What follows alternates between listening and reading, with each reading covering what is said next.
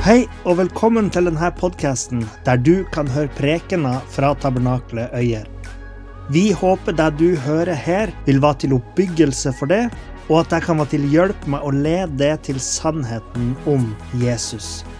Hvis du ønsker å finne ut mer om oss, kan du gå inn på hjemmesida vår på tabernakletoyer.no.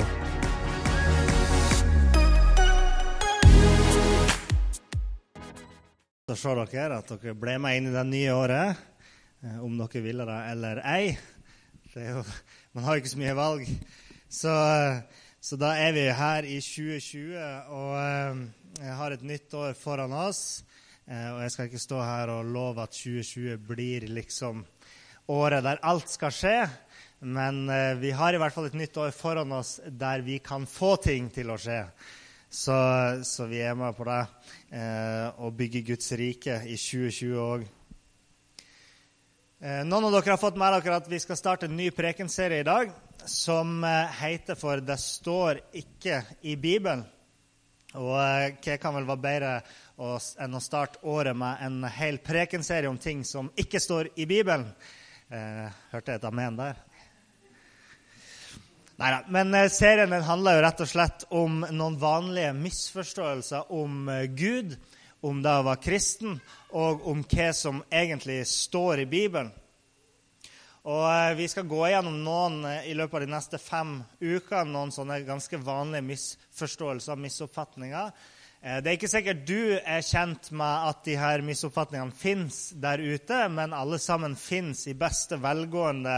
Eh, og kanskje møter man de eh, spesielt hvis man er sammen med folk som lever litt i den kirkelige periferien, eller som, som kanskje ikke går i kirka i det hele tatt. Så de neste ukene skal vi fokusere litt på det. Og dagens overskrift er Gud hjelper den som hjelper seg sjøl. Jeg tenkte på dette utsagnet for et par uker siden. Eh, jeg holdt på å hjelpe sønnen min til å få søv. Han er en av de her smårollingene som får springe her i dag. Og, og eh, de faste menighetsgjengerne her har hørt flere historier om meg og Kjersti som prøver å få ungene våre til å sove. Eh, det er et veldig spennende tema, så jeg tar det opp igjen på nytt nå. Han hadde hatt flere netter med dårlig søvn. Eh, mye våken om nettene. Eh, det betyr òg eh, flere netter for oss voksne som er våken. Og, eh, og det var kanskje pga. han fikk tenner eller et eller annet sånt. Og som en god kristen far så, så begynte jeg å be om at det som plaga han, skulle bli borte. ikke sant? Og når det ikke hjalp, så begynte jeg å be ut demonene. ikke sant? Befalte de om å forlate han i Jesu navn.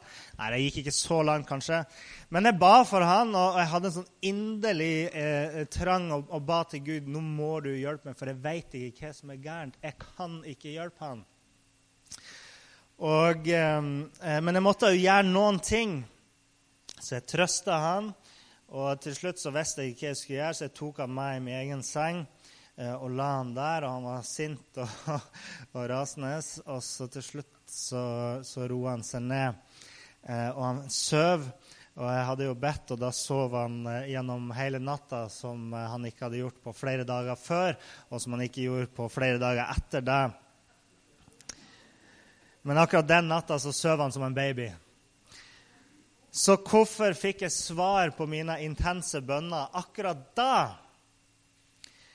Hjelper Gud de som hjelper seg sjøl? Var det det som skjedde? At fordi jeg tok grep sjøl og hjelpa meg for å at jeg skulle få sove, liksom. Så kom Gud og, og lot han sove gjennom natta. Var det sånn det funka? Det er i hvert fall lett å se at en sånn misforståelse kan oppstå. Jeg mener, Det er jo som å, å slutte å, å, spise og be Gud om å være så snill om å bare fylle opp magen min. sant? Eller at man eh, slutter å jobbe og at man ber til Gud kan du være så snill å sette inn et månedlig beløp tilsvarende den lønna jeg hadde fra før inn på kontoen min. Please. Eh, men så innser man at man må jo faktisk gjøre noe sjøl for å holde seg i live og for å holde kontoen oppe og gå. Og da tenker man ja, Gud han hjelper jo bare de som hjelper seg sjøl. Kanskje har du ikke hørt dette utsagnet sagt på akkurat denne måten før. Men jeg tror de fleste av oss kjenner oss igjen hvis vi begynner å snakke om frelsen. Gud frelser bare den som er snill og grei mot seg sjøl, så hører man at da skurrer det ganske mye. Um, da er man snill og grei for å hjelpe seg sjøl, sånn at Gud vil hjelpe oss inn i himmelen. sant? Men Bibelen sier egentlig ikke at Gud hjelper bare den som hjelper seg sjøl. La oss høre et utdrag fra bergpreken i Matteus 6, vers 25-33. Matteus 6, 25-33. Vær ikke bekymret for livet, hva dere skal spise, eller hva dere skal drikke. Heller ikke for kroppen, hva dere skal kle dere med. Er ikke livet mer enn maten og kroppen mer enn klærne? Se på fuglene under himmelen. De sår ikke, de høster ikke og samler ikke i hus, men den far dere har i himmelen, gir dem føde likevel. Er ikke dere mer verdt enn de? Hvem av dere kan vel med all sin bekymring legge en eneste alen til sin livslengde? Og hvorfor er dere bekymret for klærne? Se på liljene på marken, hvordan de vokser. De strever ikke og spinner ikke.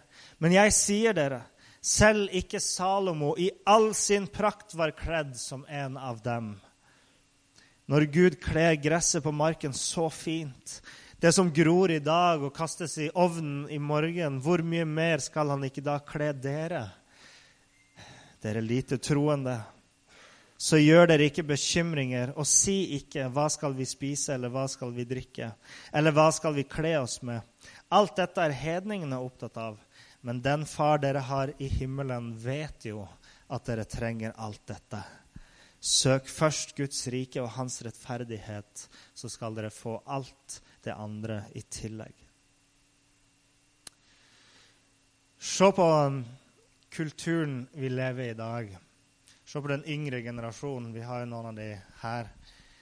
Eh, den yngre generasjonen i dag kalles generasjon noen som har hørt det? Generasjon prestasjon. De kan det sjøl, for de er så sykt flinke til å prestere. ikke sant? Kjempebra. Man kaller det generasjon prestasjon. De unge de er vant med å bli testa på alle slags mulige måter på alle områder av livet. Eh, og bli satt opp imot andre, målt opp imot andre. Eh, og gjennom Internett så har de jo fått muligheten til å sammenligne seg sjøl med andre eh, på en måte som man aldri før har kunnet gjort. Du ser tusenvis av mennesker som, som du før i tida aldri hadde sett hvis du ikke hadde hatt Internett. Så, så dette fører til at presset til å prestere er stort. Og i takt med individualiseringa, at man fokuserer eh, mer på meg, mitt og hvem jeg er, så blir de unge eh, eh, Så blir det for de i stor grad sånn at det jeg presterer, det er den jeg er. Min identitet er alt det jeg greier å gjøre. Hvor mange idrettsklubber jeg greier å være med på. Eh, hvor gode karakterer jeg får på skolen. Eh, hvor flink jeg er til alt mulig rart. Og hva skjer når vi lar våre prestasjoner bli så viktige at de definerer hvem vi er? Jeg har lyst til å si at det er minst For jeg har ikke tenkt over alle farene ved det, men jeg tror det er i hvert fall minst tre farer ved det. På forskjellige måter så vil vi sette oss sjøl foran andre. Hvis man drar det helt ut, så vil man kanskje til og med gå så langt at uh, når jeg hjelper noen andre, så gjør jeg det for at andre skal se positivt på meg og mine prestasjoner. Se her, hver uke går jeg ned på suppekjøkkenet og deler ut suppe, liksom. For at folk skal like meg. De som presterer bra, blir offer for stolthet. For de tar ære i sin egen identitet og sine egne prestasjoner. De som eh, presterer dårlig, blir offer for skammen. Skammen å bære at man viser til andre at 'jeg er ikke i stand til å gjøre det alle de andre kan'. Og skammen vil finnes hos de fleste, fordi de færreste av oss er i stand til å prestere bedre enn alle de andre. I en eh, artikkel som var skrevet for noen år siden med tittelen 'Generasjon prestasjon blir fort generasjon depresjon', så skriver forfatteren at for en del føles det som at det øyeblikket man ikke presterer, har man ikke menneskeverd. Sånn er det med de her problemene som oppstår når vi knytter vår identitet til våre prestasjoner. At når våre prestasjoner ikke når opp til våre forventninger, så er det som at vi mister vår verdi som menneske fordi vår identitet er ikke god nok. Og I denne filmen 'Disko', som gikk på kino for noen måneder siden, um, så oppfatta jeg at dette var en del av det som filmen handla om. Uh, det er jo litt flaut å si det, uh, men jeg må være en av de uh, siste kristne pastorene som ikke har sett denne filmen enda, tror jeg. jeg har ikke sett den, men det har jo vært utrolig mye skriverier og debatter rundt den filmen i media, så jeg har fått med meg litt av tematikken. Eh, og filmen handler om ei ung jente i et kristent miljø som kjente et sterkt press om å prestere òg i kirka. Eh, så, så, filmen har en litt sånn negativ eh, vinkling på noen typer kristne miljøer. Da, hvordan de kan påvirke en, ungdom eh, negativt. Men Guds plan for meg og for det er ikke at vi skal eh, skal knytte oss så nært opp til, til våre prestasjoner at vi kaller det vår identitet. Gud han har en helt annen plan for oss. For det som er stolt over det du presterer, så er det dårlige nyheter. Fordi Gud han vil at vi skal gi opp oss sjøl og knytte vår identitet til Han. Til Kristus og det Han har gjort for oss. Og Det er dårlige nyheter for deg som er stolt, fordi det betyr at du må ta et oppgjør med din egen stolthet. For det som skammer deg over at du ikke er god nok, at du ikke presterer nok, så er det gode nyheter. Fordi det betyr at Gud han setter deg fri fra skammen. Det kommer ikke lenger an på dine egne gjerninger, men på det Han har gjort for deg. Våre egne prestasjoner er ikke der den kristne skal finne sin identitet. Ikke ute i verden, ikke i menigheter, ikke hvor mye man er, er, er, er, som lovsanger, ikke hvor mange gulv man vasker i løpet av året, ikke hvor mye man er på dugnad, ikke hvor mye man gjør. Men vår identitet er først og fremst i det som Kristus gjorde for oss på korset. Gud hjelper den som hjelper seg sjøl. Det står ikke i Bibelen. Eh, men hvis du Det var interessant jeg kom over der. Eh, det er ikke så ofte jeg siterer denne boka. Men hvis du vil ha ei hellig bok som sier det her, så kan du slå opp i Koranen i Sure 13, vers 12. Og Der står det at Allah endrer sannelig ikke et folks skjebne før de selv endrer det som er i deres hjerter. Det står ikke i Bibelen. I Bibelen så står det i stedet for f.eks. i Jesaja vers, nei, kapittel 25, vers 4, at Gud, du ble et vern for de svake, et vern for de fattige i deres nød et ly mot styrtregn, en skygge mot heten. Gud veit at vi ikke kan hjelpe oss sjøl, og han overlater det ikke til oss for å bevise for han eller for noen andre at vi er gode nok til å få Guds hjelp og velsignelse. I Romerbrevet eh, kapittel 3, vers 10-12 der skriver Paulus det her. For det står skrevet, sier Paulus. Det finnes ikke én som er rettferdig, ikke en eneste. Alle er kommet på avveier. Alle er fordervet. Det finnes ikke én som gjør det gode, ikke en eneste. Og med det mener Paulus at det finnes ikke et eneste menneske som kan leve opp til Guds hellige standard. Og hvis det er sant, det som står her i Bibelen, at ikke én av oss er god nok, hva hjelper det da om vi legger til et helt livsverk av prestasjoner? Hvis prestasjonene ikke er gode nok i utgangspunktet. Hvis våre prestasjoner skulle nå opp til Gud, så hadde han aldri kommet ned til oss. Fordi det hadde aldri blitt nok. Ikke om vi hadde lagt sammen alle våre gode prestasjoner så hadde det ikke vært nok. Så Derfor er det Jesu ord jeg ønsker at vi skal huske i dag. Jeg har så stor tiltro til dere at uh, jeg tror at dere husker hele det utdraget jeg leste fra Bergpreken i stad, så jeg orker ikke å si det igjen.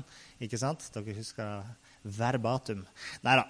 Uh, jeg skal gjenta en ting han sa til slutt der. Jesus sa, 'Søk først Guds rike og hans rettferdighet, så skal dere få alt det andre i tillegg.' Dette er dagens nøkkelvers som vi vil at vi skal ta med oss. Søk først Guds rike og hans rettferdighet, så skal dere få alt det andre i tillegg. Det Jesus sier her, det handler om å gi slipp på oss sjøl, den identiteten vi en gang hadde. Legg vekk vår tillit til våre egne prestasjoner, og i stedet for hold fast på hans prestasjoner. Hvis du tror at Jesus Eh, hvis du tror at Jesus har frelst deg, at, eh, ja, at, det er sant det Bibelen forteller om han, så betyr det at du har sagt at Jesus han er din konge. Eh, han er herre i ditt liv. Han er sjefen din, som vi ville ha sagt i dag. Det betyr at du har plassert din tillit til han, eh, din tillit til at han er god nok for det både for å rense deg fra dine synder og nok til å hjelpe deg til å ikke synde mer. Og du har sagt deg villig til å følge og leve etter Jesu ord. Når jeg sier det sånn, så hører vi jo fort at det kan uh, høres ut som at å, her blir det nok et press til å prestere. Sant? Nå skal vi leve opp til det her. Ja vel. Um, og um, nå er det jo sånn at Gud han, eh, han tenkte på det her sånn ca. en evighet før du tenkte på det, og la en plan. Og Guds løsning var det at han skulle sende Den hellige ånd. Han sjøl skulle komme og bo i oss, hjelpe oss, styrke oss til å leve det nye livet som han har for oss til å leve ut den identiteten han vil at vi skal ha i Kristus. Eh, iblant teologer så kalles, eh, kalles noen gang Den hellige ånd for parakleten. Parakleten et, eh, parakleo er et gresk ord som betyr hjelperen. Så man kaller Den hellige ånd hjelperen. Det betyr at fra det øyeblikket du tar imot Jesus, og du virkelig sett din tillit til Han. Du virkelig vender bort fra ditt gamle liv, eh, og du blir født på ny. Så gir du Gud æren for alt det gode som du gjør, fordi Den hellige ånd leder det og hjelper det. sant? Det tar bort drivstoffet til stoltheten. Fordi at hvis Gud tar æren for det gode du gjør, så er det ikke lenger noen ting igjen å være stolt av. Gud har æren. Paulus han sa det sånn her i Galaterbrevet kapittel 2, vers 19-20. Jeg er korsfestet med Kristus. Jeg lever ikke lenger selv, men Kristus lever i meg. Det livet jeg nå lever som menneske av kjøtt og blod, det lever jeg i troen på Guds sønn, som elsket meg og ga seg selv for meg.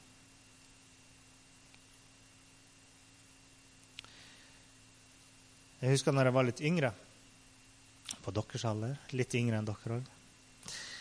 Eh, da lot jeg ofte stoltheten ta overhånd. Og eh, eksempel så likte jeg ikke gruppearbeid på skolen.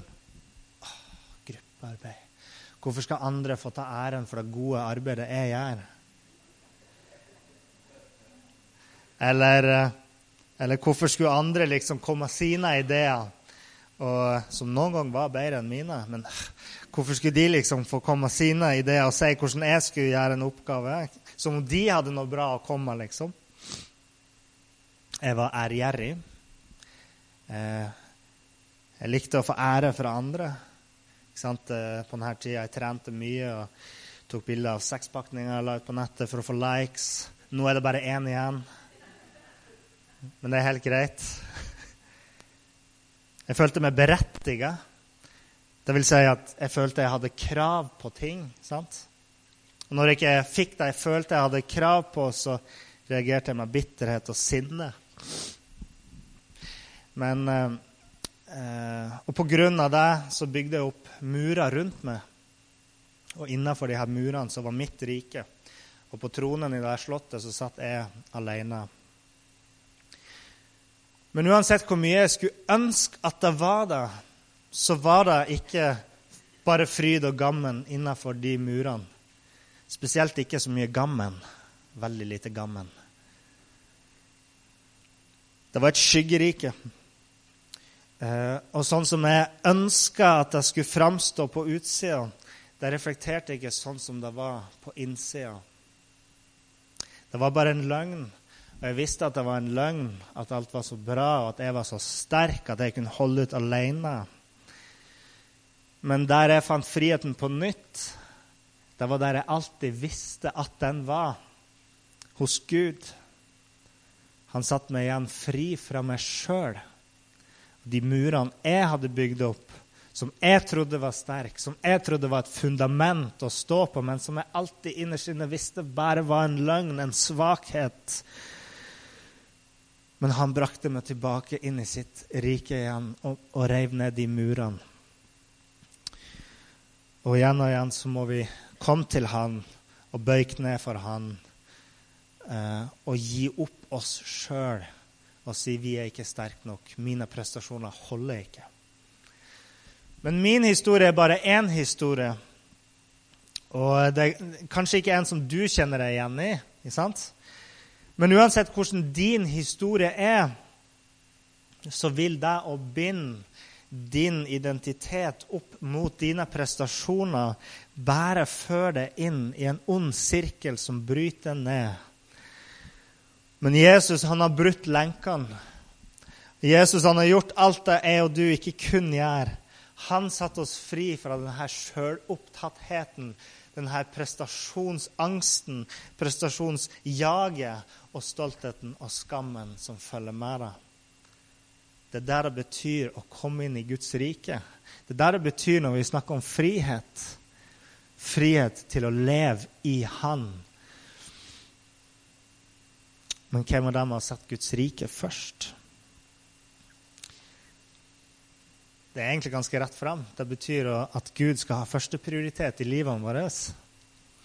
Eh, I en artikkel i et blad som heter Success Magazine, Suksessmagasinet på norsk, eh, så skrev de i 2009 en artikkel om prioriteringer. Og De skriver at det er spesielt tre feil folk gjør når de setter opp prioriteringene sine.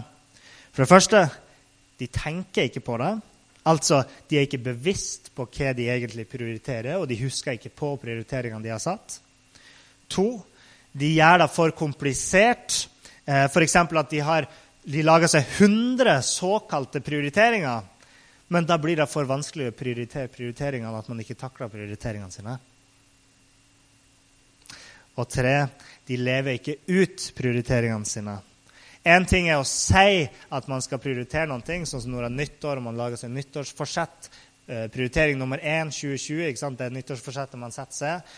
Eh, men så skal man jo faktisk gjøre det og leve ut prioriteringene. Og Det er de tre feilene man gjør. Man tenker ikke på det, man gjør det for komplisert, og man lever det ikke ut.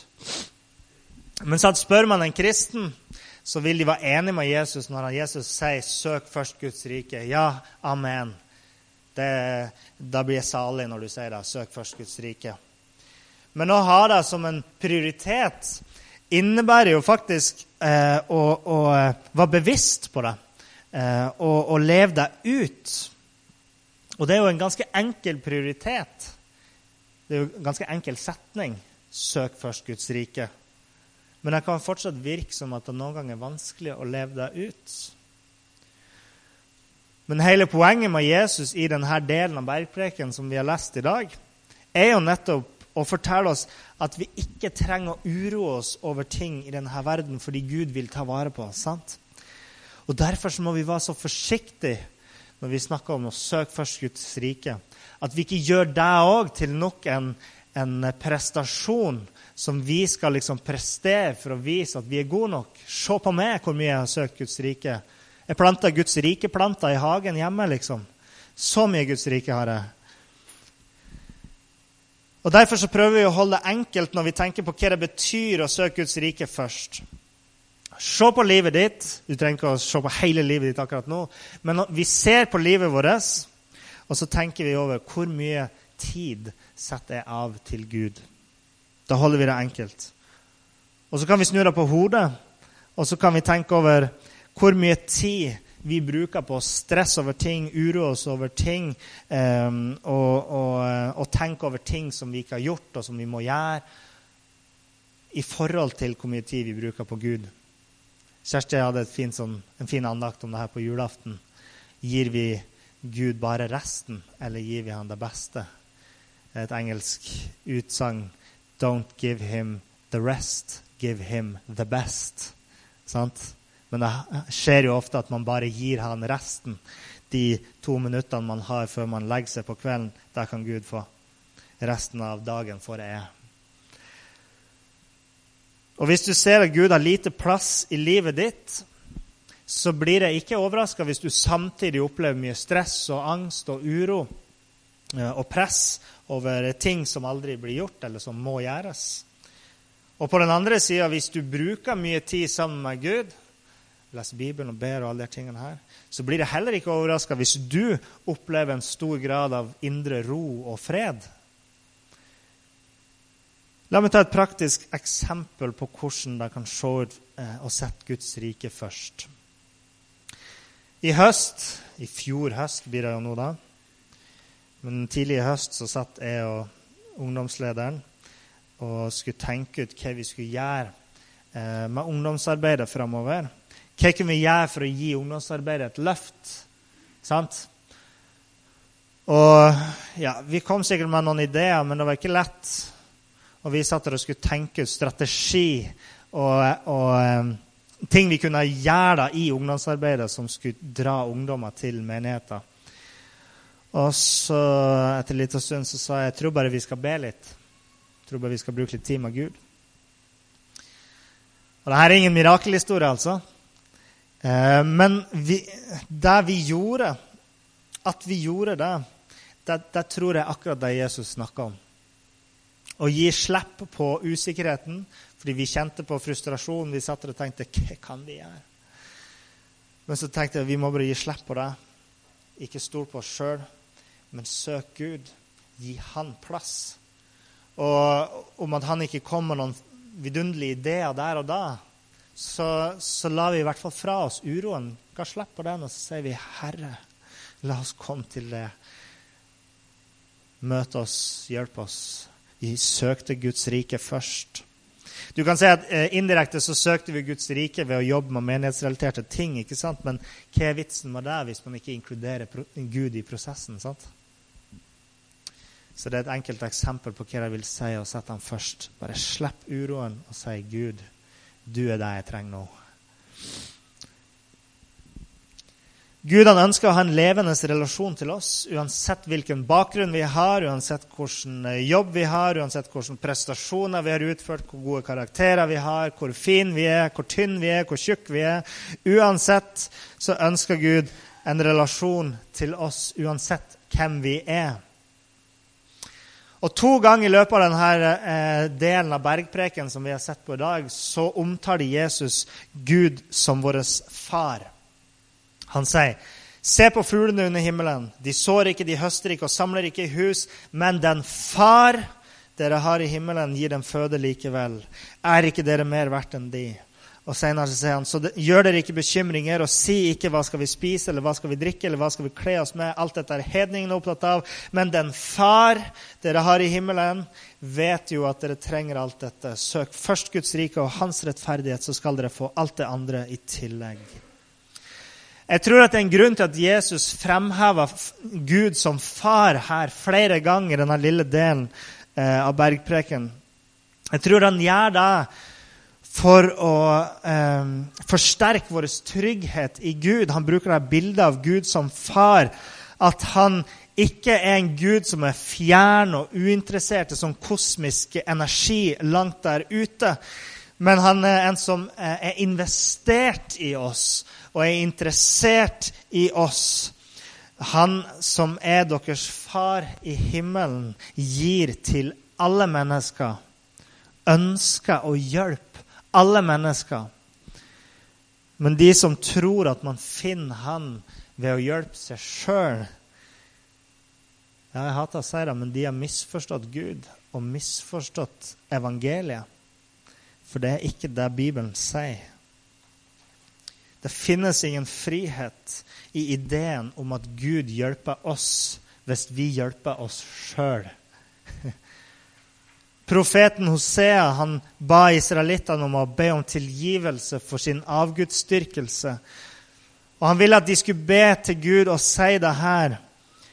Vi vil ikke lenger si 'vår Gud' til, våre, til det våre hender har gjort.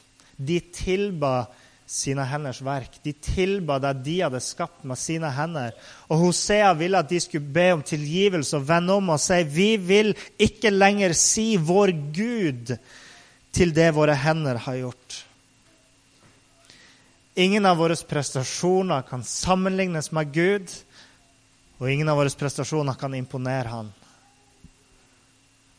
Men Gud han belønner de som gir opp seg sjøl og søke Han som gir oss evig liv. Det er mange ting vi kan behandle som det viktigste i livet. Men spørsmålet er behandler du det viktigste i livet med den største viktighet. Skal vi be? Herre, jeg bare takker deg sånn for at du er en Gud som ikke overlater ting til oss, til våre krefter, til våre hender, til våre prestasjoner. Men du gjorde verket for oss. Du hang på korset og sa nå er det fullbrakt. Alt vi trenger, finner vi i det. Vi takker deg for det, Herre takker deg for at du har forsørga for vår frelse. At du eh, brøt lenkene som, som holder oss eh, knytta opp til våre egne gjerninger. Og med det så satte oss fri fra vår egen stolthet og fra vår egen skam. Vi kan ha vår identitet i det, Gud. Jeg takker deg for det, Herre Far, og hjelp oss å gripe denne sannheten om at vi skal ha vår identitet i Jesus. La oss kjenne at Den hellige ånd virker i vårt liv. Forandrer oss, forvandler oss til de du ønsker at vi skal være. Et hellig folk for vår Gud.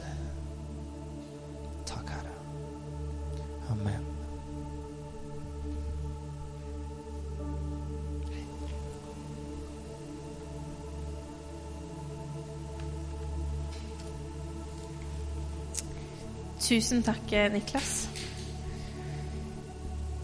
For en eh, god og en preken som i hvert fall setter seg litt i meg. Jeg har vært litt sliten i høst.